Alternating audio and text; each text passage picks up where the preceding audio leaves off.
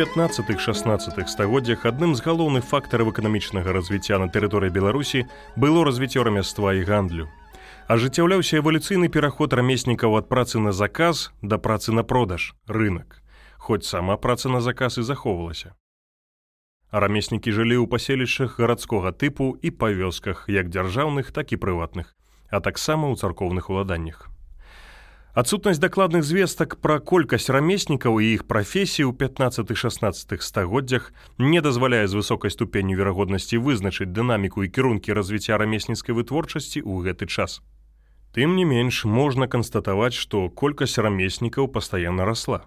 Рамесніцкая вытворчасць у 15-16 стагоддзях пераважна канцэнтравалася ў гарадах.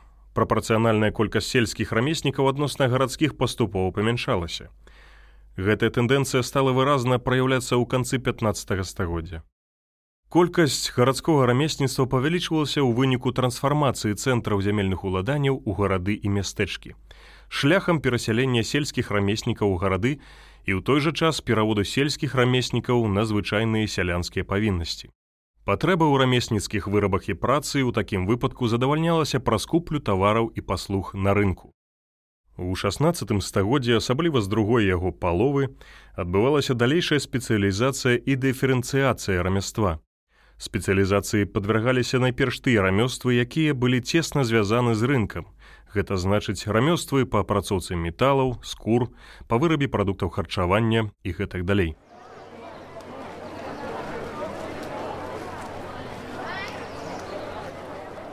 Па падліках зіновія капыскага ў 16 першай палове 17 стагоддзя у буйных гарадах налічвалася да 80 рамесніцкіх спецыяльнасцей. У сярэдніх ад 40 да 60, а ў невялікіх да 30.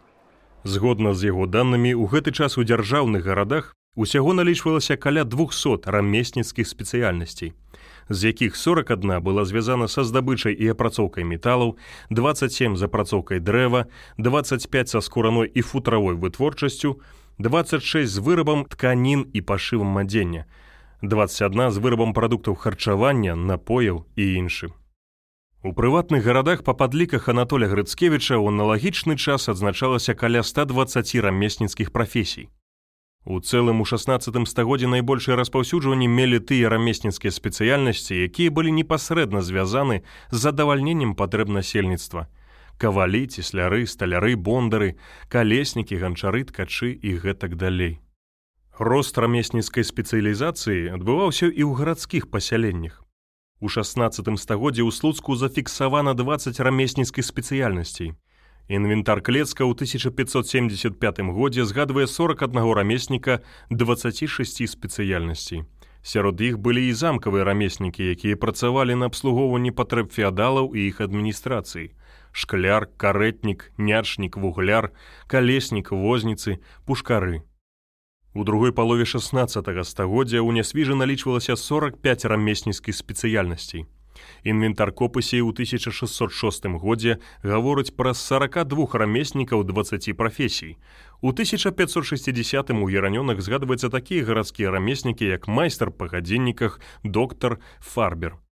У цэлым рамесніцкае насельніцтва гарадоў было значным. Напрыклад, у радашковічах у 1549 годзе яно складала 58соткаў жыхароў горада у берасці ў 1565 22 у іўі 1561 каля 20 у койданаве у 1588 годзе 23 а ў магілёве ў 1604 годзе да 40 адсоткаў.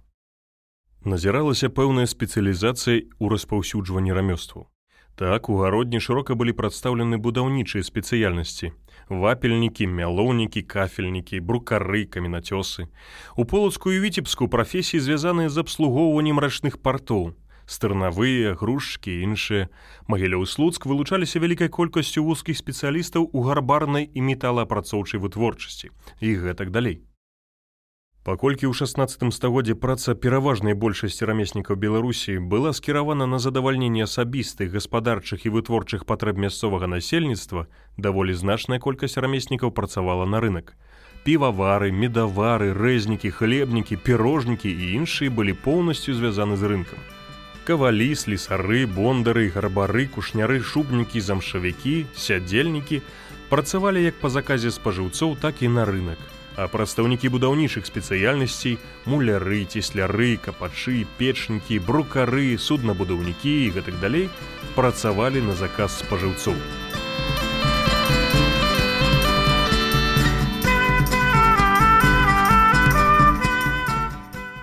Важнай галіной рамяства з'яўлялася апрацоўка металаў.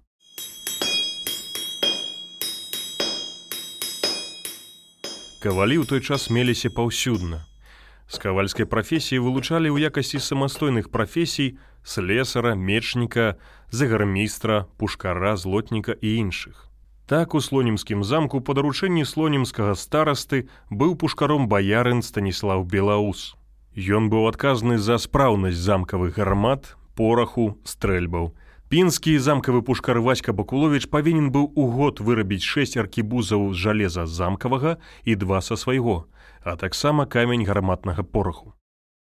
Аналагічную працу павінны былі рабіць пушкары Магіллёва, Віцебска, Берасце, Мазыра і іншых замкаў. У 16 стагоддзе інтэнсіўна развівалася ювелірная справа. Майстры па вырабе залатых і сярэбраных прадметаў побыту, упрыгожванняў славіліся нават па-за межамі краіны. Асабліва шырокую дыферэнцыяцыю з другой паловы 16 стагоддзя атрымалі ў Беларусі гарбарнае, рымарскае і шавецкае рамёствы. Рамеснікі, якія займаліся апрацоўкай скур, дзяліліся на гарбароў, цытата, «Которыя робяць скоры дубленыя, скорыя дубленыя жоўтыя і чырвоныя і чорныя. Апрацоўкай скур займаліся таксама кажамякі, балтушнікі, дубатолкі. З прафесій шаўца вылучаліся прафесіі шаўца саф'яніка, шаўца волоскай работы, шаўца чорнага рамяства. Значную ролю ў апрацоўцы шкур і вырабе з іх розных прадметаў штодзённага ўжытку і вупражы адыгрывала татарскае насельніцтва беларускіх гарадоў.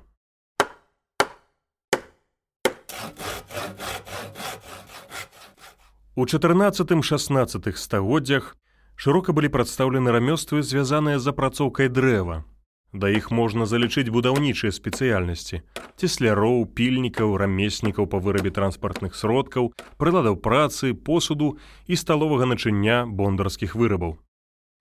У шэрагу выпадкаў цяслярскія работы разглядаліся як важная форма выканання феадальных павіннасцей. Так цесляры магілёўскага замка Арцём і Процка Якімовічы павінны былі ў замку всякое будаванне робіці і старую роботу справаваці маючы людзі з воласці ку рабоце колькі патрэба вкажат. А цесляры маёнтка дзярэўна менскага павета ў канцы 16 стагоддзя будавалі касцёл у цэнтры ўладання. Майстры з усходняй беларусі ўдзельнічалі ў пабудове замка ў Киеве і замкаў непасрэдна на ўсходзе беларусі. Для выканання будаўнічых павіннасцей насельніцтва пры неабходнасці наймала майстроў прафесіяналаў.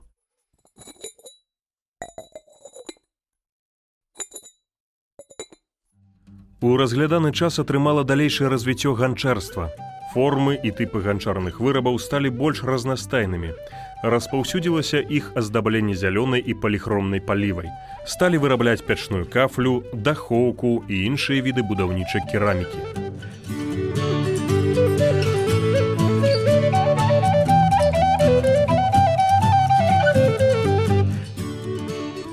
рамеснікамі маглі быць прадстаўнікі ўсіх пластоў простага саслоя. Мяшчане, даннікі, цяглыя і асадныя сяляне, баяры путныя, агароднікі, чэлец нявольная і гэтак далей. Характэрнай рысы тагачаснага рамяства была спадчыннасць, перадача прафесійных навыкаў бацькамі сваім дзецям і ўнукам. Як адзначалася, рамесніцтва развівалася не толькі ў гарадах, але і ў сельскай мясцовасці. Аднак найбольш кваліфікаванымі былі гарадскія рамеснікі. У гарадах і мястэчках перш за ўсё праяўляліся перадавыя тэндэнцыі і кірункі развіцця рамесніцкай вытворчасці. З канца 15 стагоддзя на тэрыторыі ВКЛ стаў развівацца фальварак як сістэма вядзення гаспадаркі. Асабліва інтэнсіўна яго распаўсюджанне адбылося ў сярэдзіне 16 стагоддзя. У сувязі з гэтым расла неабходнасць у абслугоўванні патрэб фальварка прафесійнымі рамеснікамі. Частка гэтых патрэб задавальнялася праз найм гарадскіх рамеснікаў ці праз набыццё рамесніцкай прадукцыі на гарадскім рынку. Але ў ВКЛ у канцы 15-16 стагоддзя існавала і такая практыка. Сялянам давалі зямельны надзелы за выкананне разнастайных рамесніцкіх павіннасцей. Падобная практыка была распаўсюджана ў гэты час таксама ва ўсходняй Геррманіі, Польшы, рассеі. Гэта значыць у рэгіёне другога выдання прыгонніцтва. Такім чынам у 15-16 стагоддзях у дзяржаўных і прыватных уладаннях вялікага княства для задавальнення патрэб двароў, а таксама для абслугоўвання праезжага люду існавала асобная група рамеснікаў розных спецыяльнасцей, для якіх выкананне рамесніцкай працы было асноўнай павіннасцю. Пераважна гэта былі кавалі, цесляры, бондары, карчмары, півавары і іншыя. Прычым сяляне-рамеснікі маглі выкарыстоўвацца адміністрацыяй маёнтка па сваёй спецыяльнасці не толькі ва ўладаннях, у якіх яны пражывалі, але пры неабходнасці і за іх межамі. Так, на пачатку 16 стагоддзя гарадзенскія муляры прыцягваліся да працы ў віленскім замку. У 1562 годзе цесляры дойліды заходніх рэгіёнаў ВКЛ, у тым ліку 12 чалавек з геранёнскай дзяржавы ашмянскага павета і чатыры рамеснікі слонімскага староства былі накіраваны на два месяцы ў віршуп каля вільні для пабудовы звярынца. У гарадзенскім старостве падчас правядзення валочнай памеры было шмат рамеснікаў, якія абслугоўвалі войска ВКЛ. У першую чаргу абоз.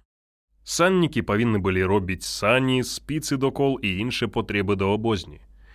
На стэльмахаў складаліся абавязкі кола звоністы, ступіце, докол і іншыя патрэбы да абозні робіць. Кашоўнікі мусілі кошы до вазоў посполітых робіць. У паўночна-заходніх рэгіёнах ВКЛ пражывалі спецыялісты па ўзвядзенні мастоў, борці. У час вайны яны рамантавалі і будавалі масты для праходжання войск, а ў мірны час выконвалі звычайныя чыншавыя павіннасці сялян. Акрамя таго, за імі замацоўваліся масты, якія яны рамантавалі.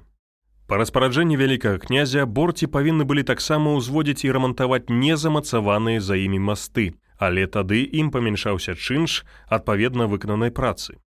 Існавалі і іншыя спецыялісты па абслугоўванні мастоў.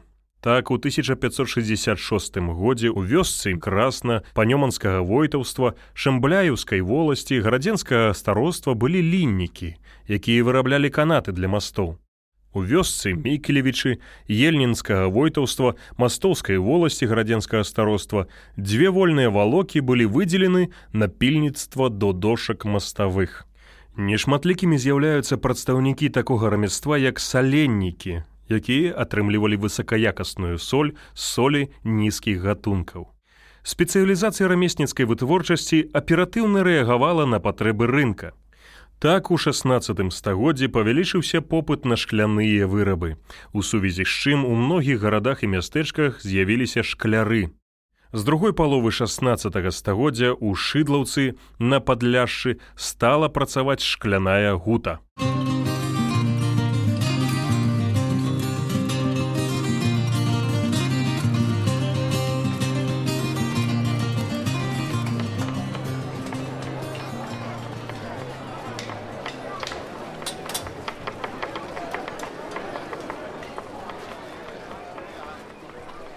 У 16 стагоддзе пачала шырока распаўсюджвацца наёмная праца. Паколькі цэнтрам эканамічнага жыцця ВКЛ была яго сталіца вільня, то туды імкнуліся жыхары блізкага і далёкага наваколля. У сярэдзіне 16 стагоддзя гэты працэс стаў такім маштабным, што вялікі князь вымушаны быў звярнуць увагу на парадак найму ў горадзе. Па ўстаноўленых правілах было забаронена наймацца на працу без публічнай дамовы. Загадвалася, каб усе жадаючыя павінны былі кожны дзень у ранні, як будзе адна гадзіна па ўзыходзе сонца, сыходзіцца да ратушы. Сюды ж павінны былі прыходзіць таксама наймальнікі і публічна наймаць сабе работнікаў і дамаўляцца пра цану работы. З-за выкананнем такога парадку сачылі гарадскія ўлады.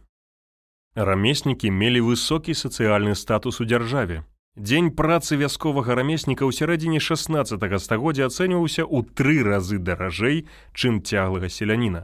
Акрамя таго, у 16 стагоддзе рамеснікі плаціліся рэпшыну і пагалоўныя па стаўках, якія адрозніваліся ад звычайных ставак падаткаў.